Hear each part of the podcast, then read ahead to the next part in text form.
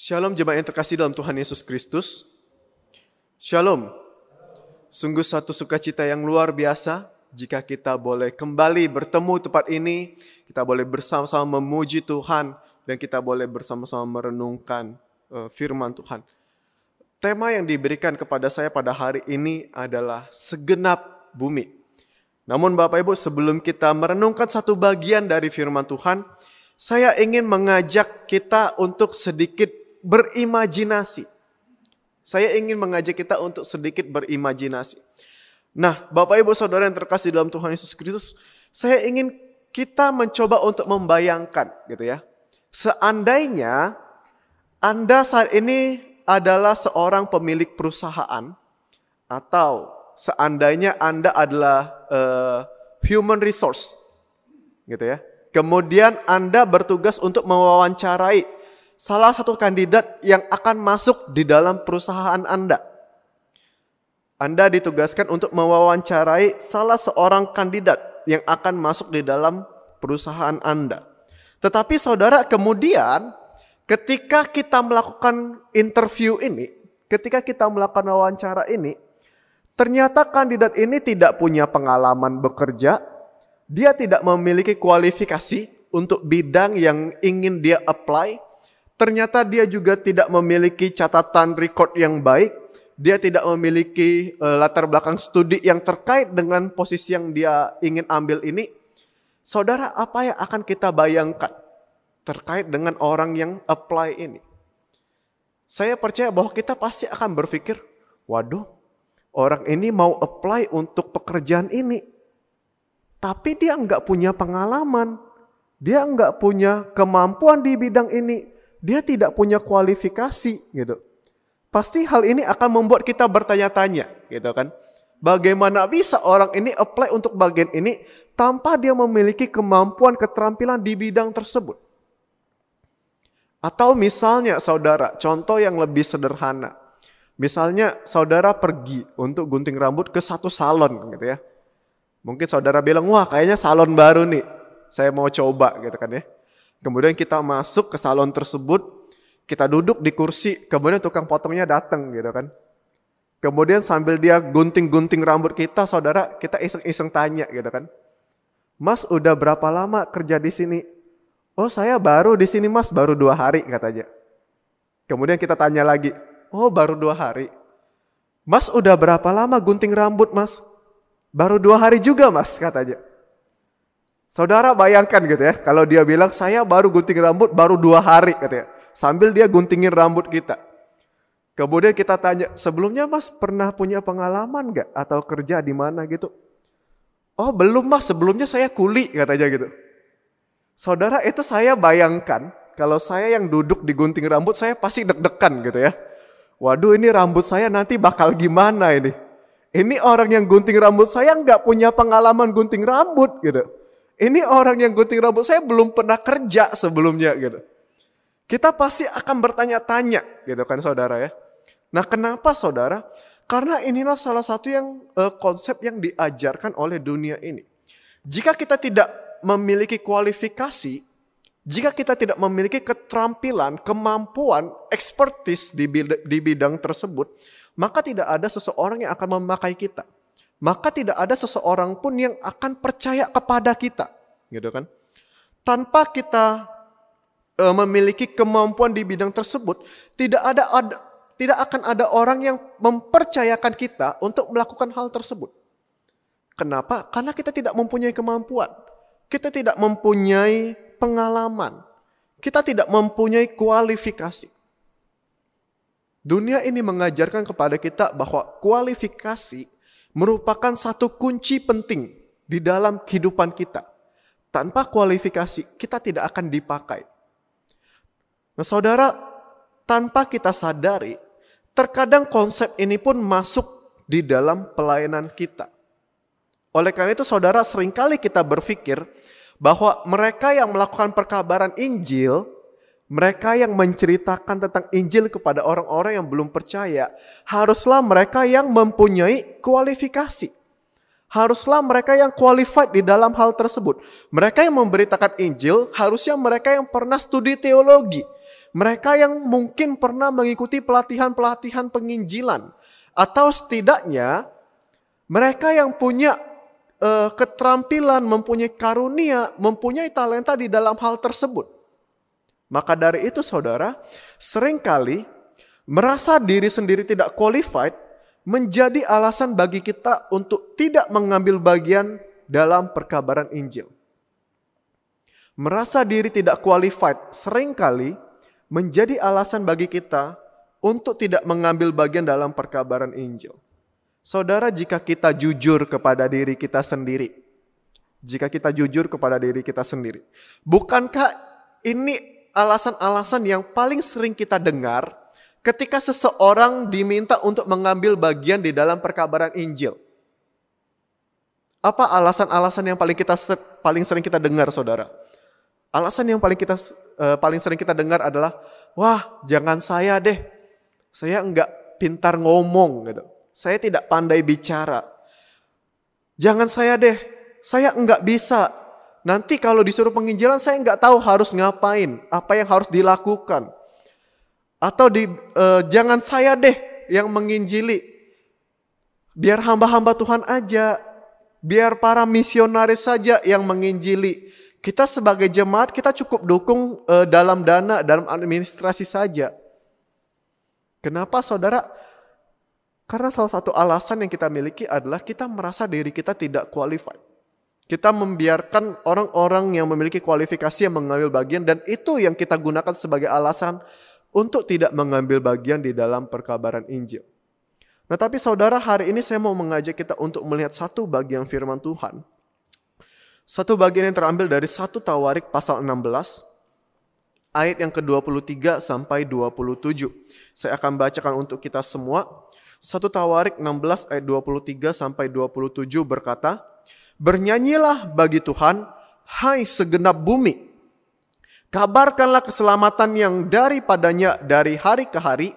Ceritakanlah kemuliaannya di antara bangsa-bangsa dan perbuatan-perbuatannya yang ajaib di antara segala suku bangsa.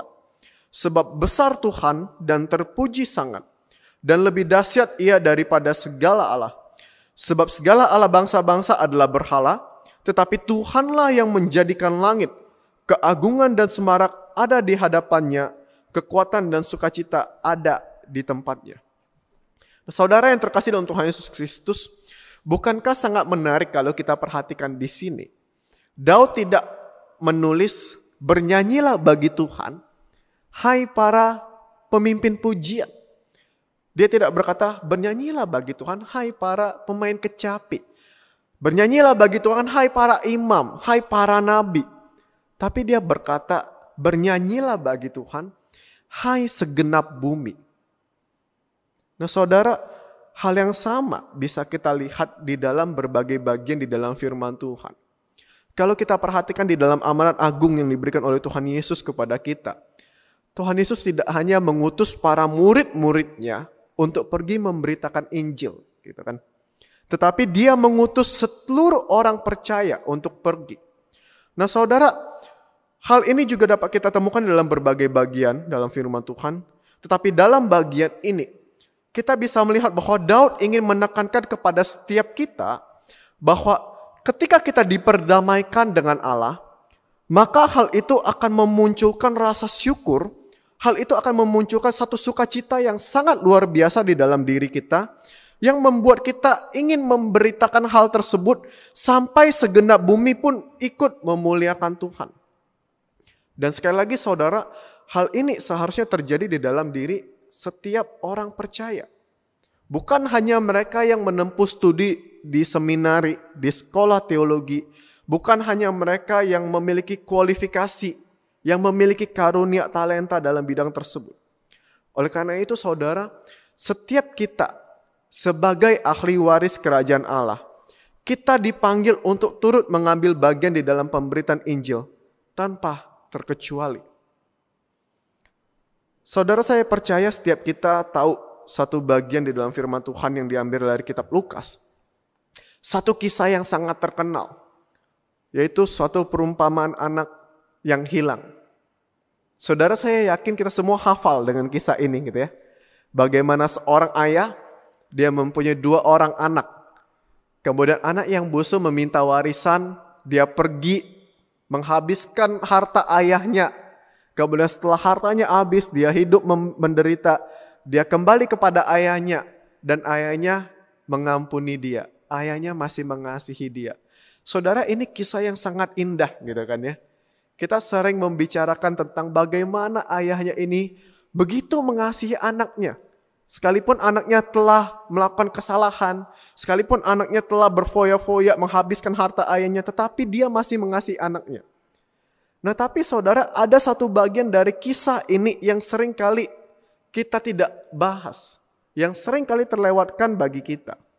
Saudara dalam kisah anak yang hilang ini, kalau kita perhatikan, kalau ayahnya ini begitu mengasihi anaknya yang bungsu, saudara.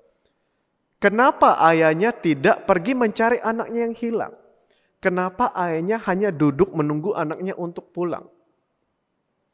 Saudara, bagian ini menjadi satu pertanyaan ketika kita merenungkan bagian ini, gitu kan? Jika ayahnya ini memang sungguh-sungguh mengasihi anaknya yang bungsu, kenapa kok dia diam saja di rumah menunggu anaknya pulang? Kenapa dia tidak pergi mencari anaknya itu? Nah, saudara, kalau kita perhatikan di dalam tradisi pada masa itu, ketika sang ayah sudah membagikan warisan kepada anak-anaknya, maka posisi sebagai kepala keluarga itu tidak lagi dipegang oleh ayahnya, sekalipun dia adalah yang tertua di dalam keluarga tersebut, saudara. Tetapi posisi tanggung jawab dari kepala keluarga itu akan diturunkan kepada anaknya yang sulung. Oleh karena itu saudara, ketika anak yang bungsu ini pergi hilang, berfoya-foya, menderita di negeri orang, tugas untuk mencari anak yang hilang ini saudara, sebenarnya telah diturunkan dari sang ayah kepada anaknya yang sulung. Anak yang sulung ini memiliki tanggung jawab untuk pergi mencari adiknya yang hilang. Tetapi saudara, ketika adiknya ini terhilang, di mana anak sulung ini? Kalau kita lihat di dalam bagian ini, di dalam bagian tersebut, di dalam kisah tersebut, anak sulung ini bukannya mencari adiknya yang terhilang, saudara. Tetapi anaknya yang sulung ini sibuk bekerja di ladang. Anaknya yang sulung ini sibuk bekerja di ladang. Nah saudara kalau kita bicara dengan bahasa kita hari ini, tanggung jawab tugas untuk memberitakan Injil itu telah Tuhan karuniakan kepada kita anak-anak sulung yang berada di dalam kasih karunia Tuhan. Yang selama ini kita hidup di dalam rumah Tuhan yang menikmati harta kekayaan ayahnya saudara. Tugas tanggung jawab itu sudah diturunkan kepada kita untuk mencari saudara-saudara kita yang terhilang. Yang di luar sana. Tetapi saudara apa yang kita lakukan? Bukannya mencari adik-adik kita yang terhilang ini. Bukannya mencari saudara-saudara kita yang bungsu ini. Kita justru sibuk bekerja di ladang. Apa artinya saudara? Kita justru sibuk bekerja di gereja, gitu kan? Terkadang kita sibuk melakukan berbagai aktivitas, kegiatan di gereja, mengikuti pelayanan-pelayanan yang ada di gereja dan tentu saja hal tersebut bukan hal yang buruk.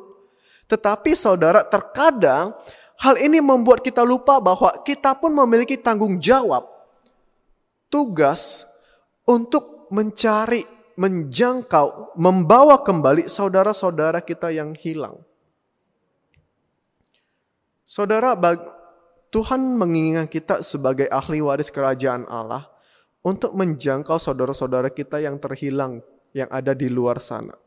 Dia ingin agar kita yang selama ini sudah tinggal, yang menikmati semua anugerah dan kasih Allah, untuk membagi-bagikan hal itu kepada saudara-saudara kita yang terhilang. Saudara sebagai contoh. Saudara tahu brand ini ya. Saya yakin setidaknya saudara pernah sekali makan gitu kan ya. Nah saudara, saya ingat ketika saya pertama kali makan pizza Domino gitu. Jadi dulu di Palembang itu tidak ada saudara. Saya pertama kali makan pizza Domino itu ketika saya kuliah di Bandung gitu ya. Nah saudara ketika saya makan pizza ini saudara, saya bilang, wah enak banget ya. Murah lagi harganya. Ini kalau orang nggak makan ini rugi banget gitu. Kalau ada orang yang belum pernah coba ini sayang sekali gitu. Nah saudara ketika saya merasakan pizza ini enak sekali, harganya murah, orang-orang harus coba gitu. Saya merasakan ada kerinduan, saya ingin memberitahukan kepada teman-teman saya. Maka dari itu saudara ketika ada teman saya ke Bandung, atau ketika saya pulang ke Palembang, saya pasti bawa pizza domino ini. Saya bagikan kepada teman-teman saya. Saya bilang, eh tahu nggak, ada pizza nih dari Bandung, enak banget. Sayang loh kalau kamu enggak coba. Kenapa saudara? Karena saya ingin mereka tahu gitu kan. Ada satu pizza nih kalau kalian ke Bandung kali atau kalian kalian ke Jakarta, kalian harus coba. Sayang sekali kalau kalian tidak mencoba makanan yang enak ini. Atau saudara contoh yang lain. Beberapa tahun yang lalu saya sempat berlibur ke Karimun Jawa. Ketika saya sampai di sana saudara, saya lihat, wah pemandangannya luar biasa. Lautnya itu begitu bersih. Tempatnya begitu bagus. Saudara ketika saya melihat tempat yang begitu bagus tersebut, apa yang saya rasakan? Saya ingin ceritakan pengalaman saya di sana kepada teman-teman saya, gitu kan? Ketika pulang dari Karimun Jawa, saya ceritakan, eh, kamu tahu nggak? Karimun Jawa itu bagus banget loh. Pantainya itu bersih banget loh. Pemandangannya itu luar biasa loh. Kamu harus coba ke sana. Kenapa saudara? Saya ingin mereka tahu ada satu tempat yang begitu indah yang akan sangat disayangkan jika mereka tidak pergi ke sana. Jika mereka tidak melihat keindahan tersebut. Gitu kan? Nah saudara, sebagai orang-orang percaya, sebagai ahli waris kerajaan Allah, seharusnya ada kerinduan di dalam diri kita yang ingin menceritakan kepada orang-orang tentang satu kasih yang begitu luar biasa, tentang anugerah yang begitu indah yang akan sangat disayangkan kalau mereka melewatkannya. Kita sudah merasakan betapa luar biasanya kasih Tuhan kan saudara. Kita sudah merasakan betapa luar biasanya anugerah Tuhan di dalam kehidupan kita. Seharusnya ada kerinduan di dalam diri kita yang ingin orang-orang lain pun merasakan kasih tersebut. Yang ingin orang-orang lain pun merasakan anugerah tersebut. Kita yang sudah ditebus, kita yang sudah memperoleh keselamatan yang kekal, kita seharusnya kita pun ingin mereka juga merasakan kasih karunia tersebut, anugerah tersebut, keselamatan tersebut. Saudara, kita yang sudah merasakan betapa baiknya Tuhan tersebut, bukankah seharusnya kita merasakan Aku ingin agar orang-orang yang belum mengenal Tuhan ini, mereka pun bisa merasakan betapa baiknya Tuhan. Aku yang sudah merasakan betapa luar biasanya anugerah Tuhan, aku pun ingin mereka merasakan betapa luar biasanya anugerah Tuhan. Aku yang sudah diselamatkan, yang sudah ditebus, aku ingin mereka pun juga dapat merasakan penebusan, menerima keselamatan yang telah dikerjakan oleh Tuhan itu. Saudara, kita sebagai orang-orang yang telah diselamatkan, yang telah menerima kasih karunia Tuhan, kita pun seharusnya memiliki kerinduan untuk membagi-bagikan hal tersebut kepada orang-orang yang belum mengenal Tuhan. Oleh karena itu saudara, jika kita yang sudah ditebus, jika kita yang sudah merasakan betapa baiknya Tuhan, betapa luar biasanya anugerah Tuhan. Jika kita berkata, aduh jangan saya deh, saya nggak bisa. Saya tidak pandai bicara. Saya tidak tahu apa yang harus dilakukan. Biar hamba Tuhan saja. Biar misionaris saja yang pergi menginjili. Saudara, jika kita mengatakan hal-hal tersebut, bukankah itu menjadikan kita orang-orang yang sangat egois? Bukankah itu menjadikan kita orang yang sudah merasakan kasih Tuhan, tetapi kita tidak mau membagikan kasih itu kepada orang lain? Kita sudah merasakan anugerah Tuhan yang luar biasa, tetapi anugerah itu kita simpan untuk diri kita sendiri. Kita tidak mau membagi-bagikannya kepada orang lain. Saudara kita seperti orang yang menemukan tempat makan yang enak tadi gitu ya kita menemukan ada satu tempat makan yang luar biasa enak. Kita menemukan ada satu tempat yang begitu indah. Tetapi kemudian kita berkata, udah orang lain nggak perlu tahu tempat ini. Cukup aku aja yang menikmatinya. Cukup saya saja yang tahu. Saudara, ketika kita merasakan anugerah Tuhan di dalam kehidupan kita, kita merasakan betapa baiknya Tuhan itu dan kita tidak mau membagikannya kepada orang lain. Bukankah hal itu menjadikan kita orang-orang yang sangat egois? Padahal saudara, membagikan kasih itu kepada saudara-saudara kita tidak berarti bahwa jatah kita akan dikurangin, gitu kan? Tidak berarti kasih Tuhan kepada kita itu akan berkurang. Oleh karena itu saudara firman Tuhan hari ini kembali menjadi peringatan bagi kita. Bahwa setiap kita sebagai orang percaya, sebagai ahli waris kerajaan Allah, sebagai orang-orang yang telah diselamatkan, sebagai orang-orang yang telah merasakan betapa baiknya kasih Tuhan itu. Kita tuh dipanggil untuk turut mengambil bagian di dalam memberitakan kemuliaan Tuhan. Pekerjaan Injil bukan hanya pekerjaan para hamba Tuhan, pekerjaan Injil bukan hanya pekerjaan para misionaris, tetapi segenap bumi dipanggil untuk menceritakan kemuliaannya. Setiap kita dipanggil untuk menceritakan perbuatan-perbuatannya yang ajaib, untuk menceritakan kebesaran Tuhan melalui perkataan kita, melalui perbuatan kita, melalui setiap hal yang kita lakukan, melalui setiap ucapan, kata-kata yang kita keluarkan, menjadi kesaksian tentang betapa luar biasanya, betapa indahnya kasih Kristus dan membawa jiwa-jiwa untuk mengenal Dia. Saudara, hari ini saya ingin mengajak kita untuk menyaksikan satu video. Video ini diambil berdasarkan data yang sungguh-sungguh terjadi di dalam uh, dunia kita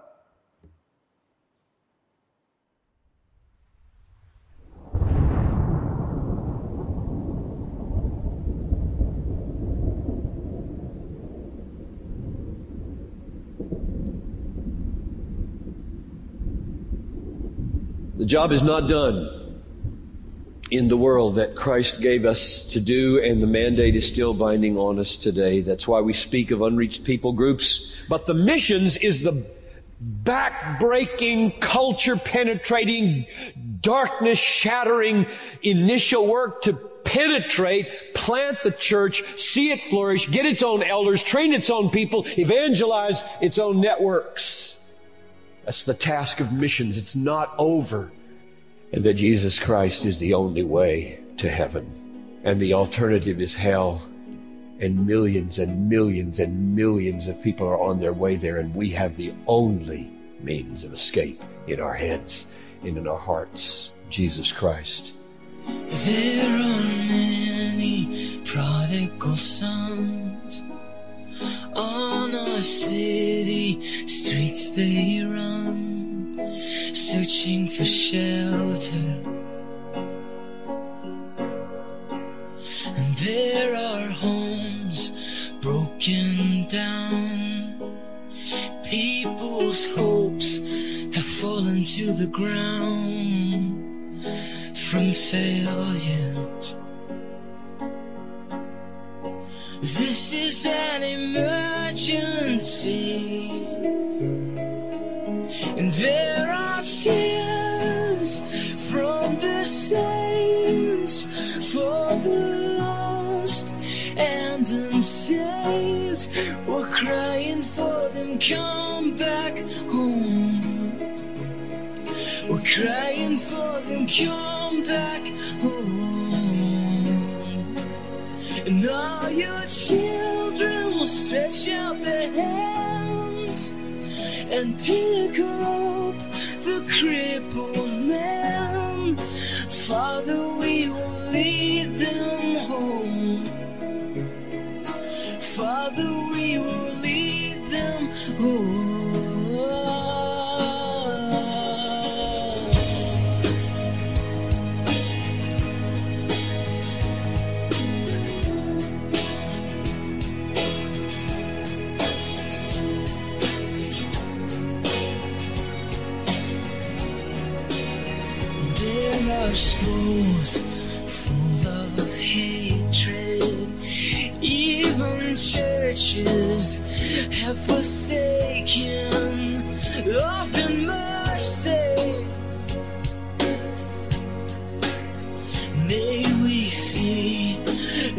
generation in its state of desperation for your glory.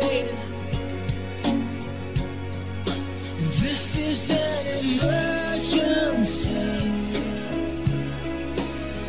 There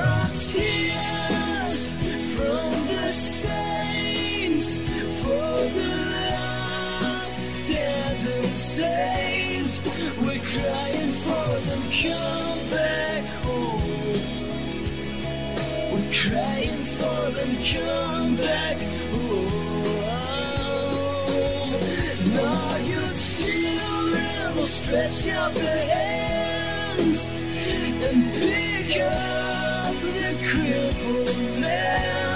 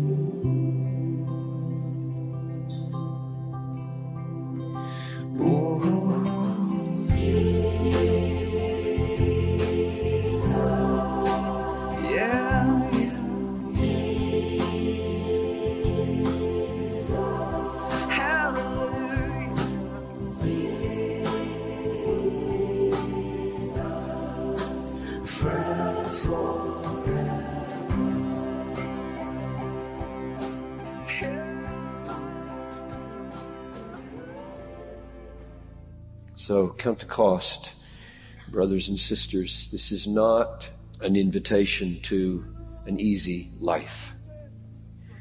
For 2,000 years, thousands and thousands of missionaries, the unnamed, no biographies written about them, just unnamed people of whom the world is not worthy, have counted this cost and put their lives at risk and reached the lost with the only message of salvation.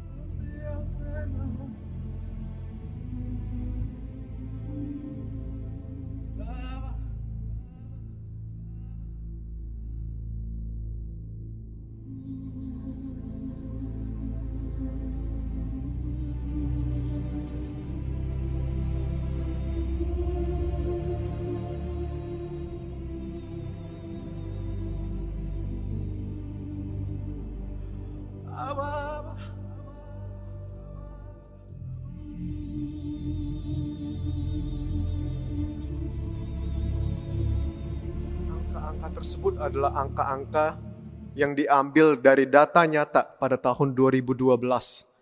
Dan setiap tahun angka tersebut mengalami kenaikan.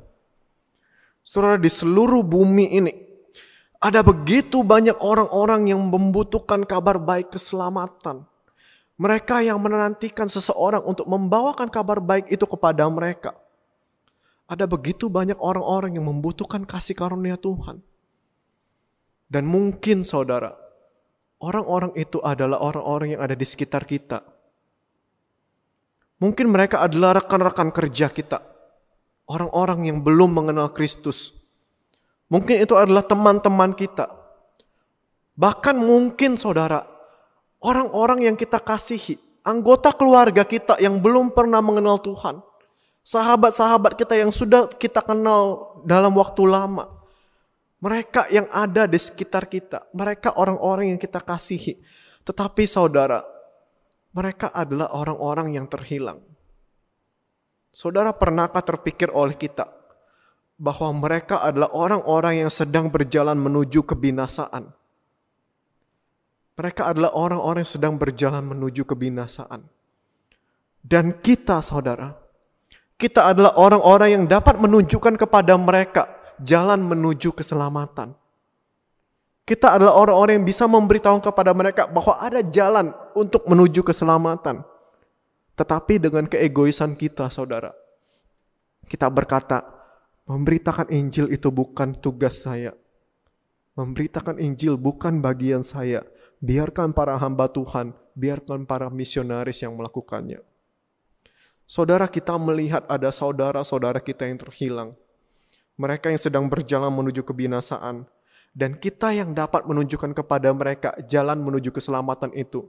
Kita memilih untuk berdiam diri. Saudara saya mempunyai satu kelompok teman. Enam orang. Yang di mana tidak ada satupun dari mereka adalah orang percaya. Dan saya percaya ada satu alasan kenapa Tuhan menempatkan saya di antara mereka, saudara. Sejak tahun 2010, saya berusaha untuk memperkenalkan Kristus kepada mereka. Saya berusaha untuk membawa mereka kepada Tuhan. Tapi saudara, seiring berjalan waktu, sering kali tantangan itu membuat kita ingin menyerah. Sampai saudara, dua minggu yang lalu, saya bertemu dengan salah seorang dari mereka. Dan dia berkata bahwa dia ingin masuk ke Kristenan. Saudara, ketika saya mendengar hal itu, saya ingin menangis. Saya ingin melompat, saya ingin teriak gitu. Saudara, bukan satu proses yang mudah. Gitu. 12 tahun saya menanti, 12 tahun saya terus mencoba untuk membawa mereka kepada kasih Kristus. Ada kalanya saya merasa bahwa apa yang saya lakukan itu tidak membuahkan hasil. Ada kalanya saya merasa kayak apa yang saya lakukan itu kayaknya sia-sia. Tetapi saudara, ketika saya mendengar salah seorang teman saya ingin menjadi orang percaya. Saudara tahu betapa besar sukacita yang saya rasakan pada saat itu. Saudara tahu betapa luar biasa sukacita yang saya rasakan itu, saudara. Saudara mengetahui bahwa satu orang yang saya kasihi, satu orang yang dekat dengan saya ini, dia yang tadinya berjalan menuju kebinasaan, sekarang dia berjalan menuju keselamatan. Saudara itu membawa sukacita yang sangat luar biasa kepada saya. Oleh karena itu saudara, kita harus ingat, memberitakan Injil saudara, itu bukan hanya tugas dari para hamba Tuhan. Memberitakan Injil itu bukan hanya bagian para misionaris. Memberitakan Injil itu bukan hanya untuk mereka yang memiliki kualifikasi, tetapi memberitakan Injil berbicara tentang kesediaan hati kita, tentang kesetiaan kita untuk memberitakan kabar baik itu kepada teman-teman kita, kepada keluarga kita, kepada rekan-rekan kerja kita, kepada orang-orang yang ada di sekitar kita, saudara. Saudara, Tuhan memakai Musa yang tidak pandai bicara. Tuhan memakai Yeremia yang masih muda. Dan Tuhan mau memakai kita untuk menjadi perpanjangan tangan kasihnya, untuk menjangkau, untuk memberitakan Injil kepada mereka yang membutuhkan kasih tersebut. Saudara, hari ini saya ingin mengajak kita untuk membayangkan. Saudara coba pikirkan orang-orang yang ada di sekitar saudara pada saat ini. Mungkin itu adalah rekan kerja kalian. Mungkin itu adalah anggota keluarga kalian. Mungkin itu adalah teman-teman, sahabat-sahabat yang dengannya kalian sudah berteman untuk waktu yang lama. Mungkin itu adalah orang-orang yang sangat kalian kasihi. Saudara, mungkin ada di antara mereka yang sampai saat ini belum mengenal Kristus. Mungkin ada di antara mereka yang sampai saat ini mereka masih belum mengenal Kristus. Saudara bayangkan, setiap mereka adalah orang-orang yang sedang berjalan menuju kebinasaan. Saudara bayangkan bahwa setiap mereka adalah orang-orang yang memerlukan kabar baik keselamatan itu. Dan saudara bayangkan seandainya melalui tindakan Anda, melalui perkataan Anda, mereka mengenal Kristus, mereka diselamatkan. Saudara bayangkan sukacita yang akan Anda rasakan tersebut.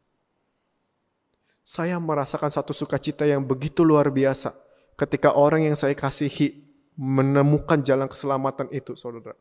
Dan saya rindu setiap kita juga dapat merasakan sukacita itu. Saya rindu sebagaimana Anda telah merasakan betapa luar biasanya kasih Allah kepada Anda. Anda memiliki kerinduan untuk menceritakan kasih tersebut kepada orang-orang yang ada di sekitar Anda.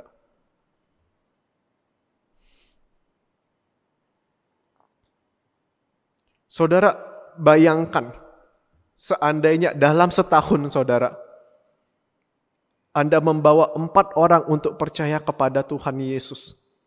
Saudara setahun empat orang tampaknya bukan angka yang besar gitu ya. Tampak seperti bukan angka yang fantastis. Tapi saudara bayangkan jika satu orang menjangkau empat jiwa. Kemudian di tahun berikutnya empat orang menjangkau empat jiwa. Di tahun berikutnya menjangkau empat jiwa. Kemudian di tahun berikutnya menjangkau empat jiwa. Dan terus seperti itu saudara. Saudara lihat betapa banyaknya orang-orang yang akan dimenangkan. Saudara lihat betapa banyaknya orang-orang yang akan dibawa kepada Kristus. Saudara bayangkan betapa banyaknya orang-orang yang akan mengenal betapa luar biasanya kasih Allah. Saudara bayangkan betapa banyak orang-orang yang diselamatkan dari jalan menuju kebinasaan itu. Yang menjadi pertanyaan bagi kita pada hari ini saudara, maukah kita mengambil bagian di dalam pekerjaan Allah? Maukah kita turut mengambil bagian di dalam pekerjaan Injil? Atau kita akan terus memakai alasan-alasan untuk tidak mengambil bagian di dalam perkabaran Injil? Saudara, perkabaran Injil bukan hanya menjadi tugas dari para hamba Tuhan, bukan bagi hanya bagi para misionaris, tapi mari kita setiap ahli waris kerajaan Allah, kita serahkan diri kita untuk dapat dipakai oleh Tuhan untuk menjadi kesaksian bagi orang-orang yang belum mengenal Tuhan, untuk menjangkau mereka, untuk membawa mereka dari jalan menuju kebinasaan, menuju jalan menuju keselamatan kehidupan yang kekal. Saudara percaya satu hal ini. Ketika kita bersedia, ketika kita menyerahkan diri kita untuk dipakai oleh Tuhan, Dia akan menyertai kita. Dia akan memperlengkapi kita. Roh Kudus akan bekerja melalui diri kita dan melalui perkataan kita, melalui tindakan kita. Jiwa-jiwa akan dimenangkan dan segenap bumi akan memuliakan Tuhan. Kiranya firman Tuhan yang kita renungkan hari ini boleh memberkati kita semua. Saya mau mengajak kita, saudara, mari kita tundukkan kepala kita. Saudara, pada saat ini saya ingin mengajak kita untuk mengambil beberapa saat untuk mengambil perenungan secara pribadi.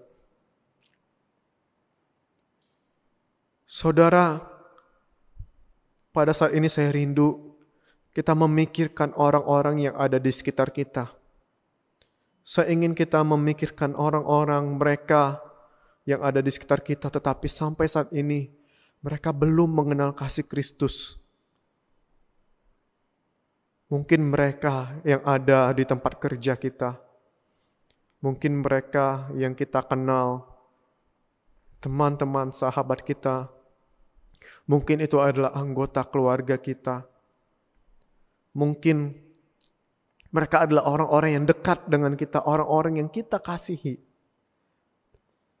Tetapi sampai saat ini, mereka belum mengenal kasih Kristus.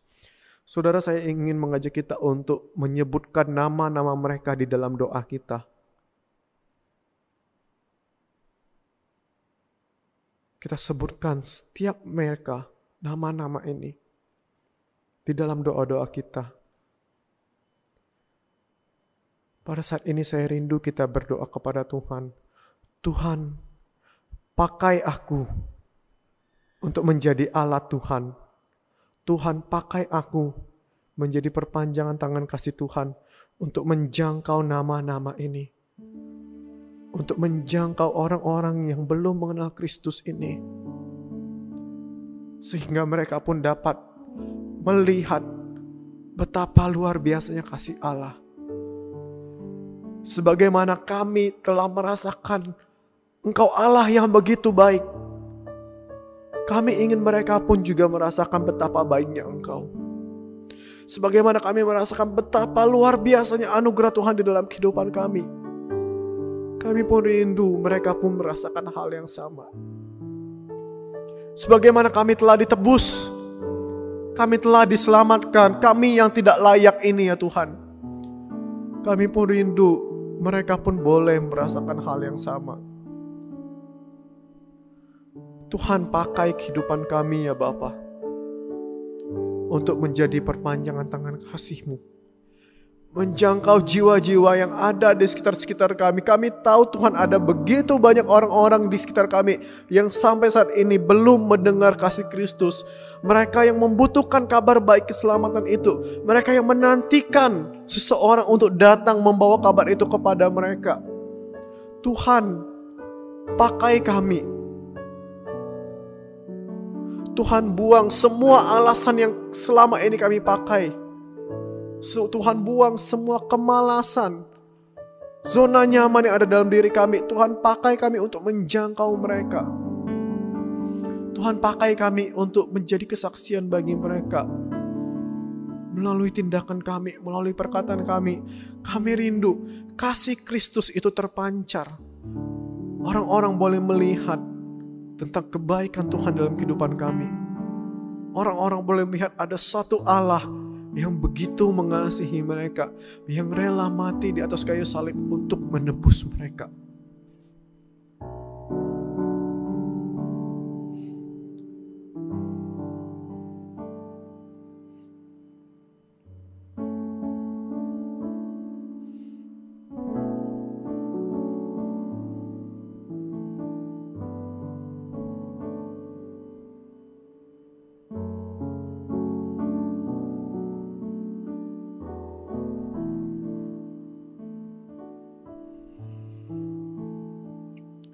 Kami bersyukur ya Bapa, jikalau firman-Mu hari ini boleh mengingatkan kami bahwa pekerjaan Injil bukan hanya bagian dari para hamba Tuhan, bukan hanya tugas dari para misionaris, tapi setiap kami sebagai ahli-ahli waris kerajaan Allah, kami pun mau mengambil bagian di dalam perkabaran Injil. Kami tahu Tuhan, ada begitu banyak jiwa yang ada di sekitar kami yang menantikan kabar keselamatan itu, yang membutuhkan kabar baik itu ya Tuhan. Oleh karena itu kami mau menyerahkan diri kami ya Bapak pada hari ini. Setiap kami hamba-hambamu, pakai kami Tuhan untuk memberitakan kabar baik itu, untuk menjadi kesaksian bagi mereka, untuk boleh menjangkau jiwa-jiwa yang ada di sekitar kami untuk boleh mengenal Tuhan. Tuhan kami rindu melalui kehadiran kami. Ada begitu banyak jiwa-jiwa yang boleh dimenangkan. Kami tidak mau Tuhan, orang-orang yang kami kasihi, keluarga kami, orang-orang yang dekat dengan kami, rekan kerja kami. Kami tidak ingin melihat mereka terus berjalan di dalam jalan yang menuju kepada kebinasaan. Tapi kami mau melihat mereka berjalan menuju keselamatan. Kami rindu sebagaimana kami telah merasakan kasih Tuhan kami rindu mereka pun boleh merasakan kasih yang sama. Sebagaimana kami telah dimenangkan, kami rindu mereka pun boleh dimenangkan. Tuhan terima kasih ya Bapa untuk setiap anugerahmu di dalam kehidupan kami.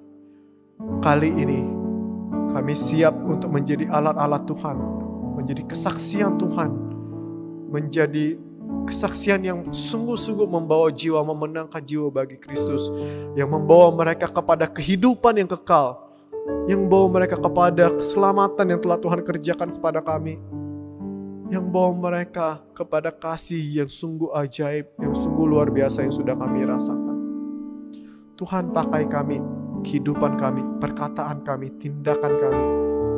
Kami rindu ya Bapa, melalui kehadiran kami, orang-orang yang ada di sekitar kami, orang-orang yang kami kasihi, mereka boleh mengenal Kristus. Terima kasih Tuhan sekali lagi ini kehidupan kami hamba-hambamu, anak-anak Tuhan yang kami serahkan untuk kemuliaan namamu, yang kami serahkan untuk menjangkau jiwa-jiwa. Pakai kami Tuhan, di dalam nama Tuhan Yesus, kami berdoa dan mengucap syukur. Amin.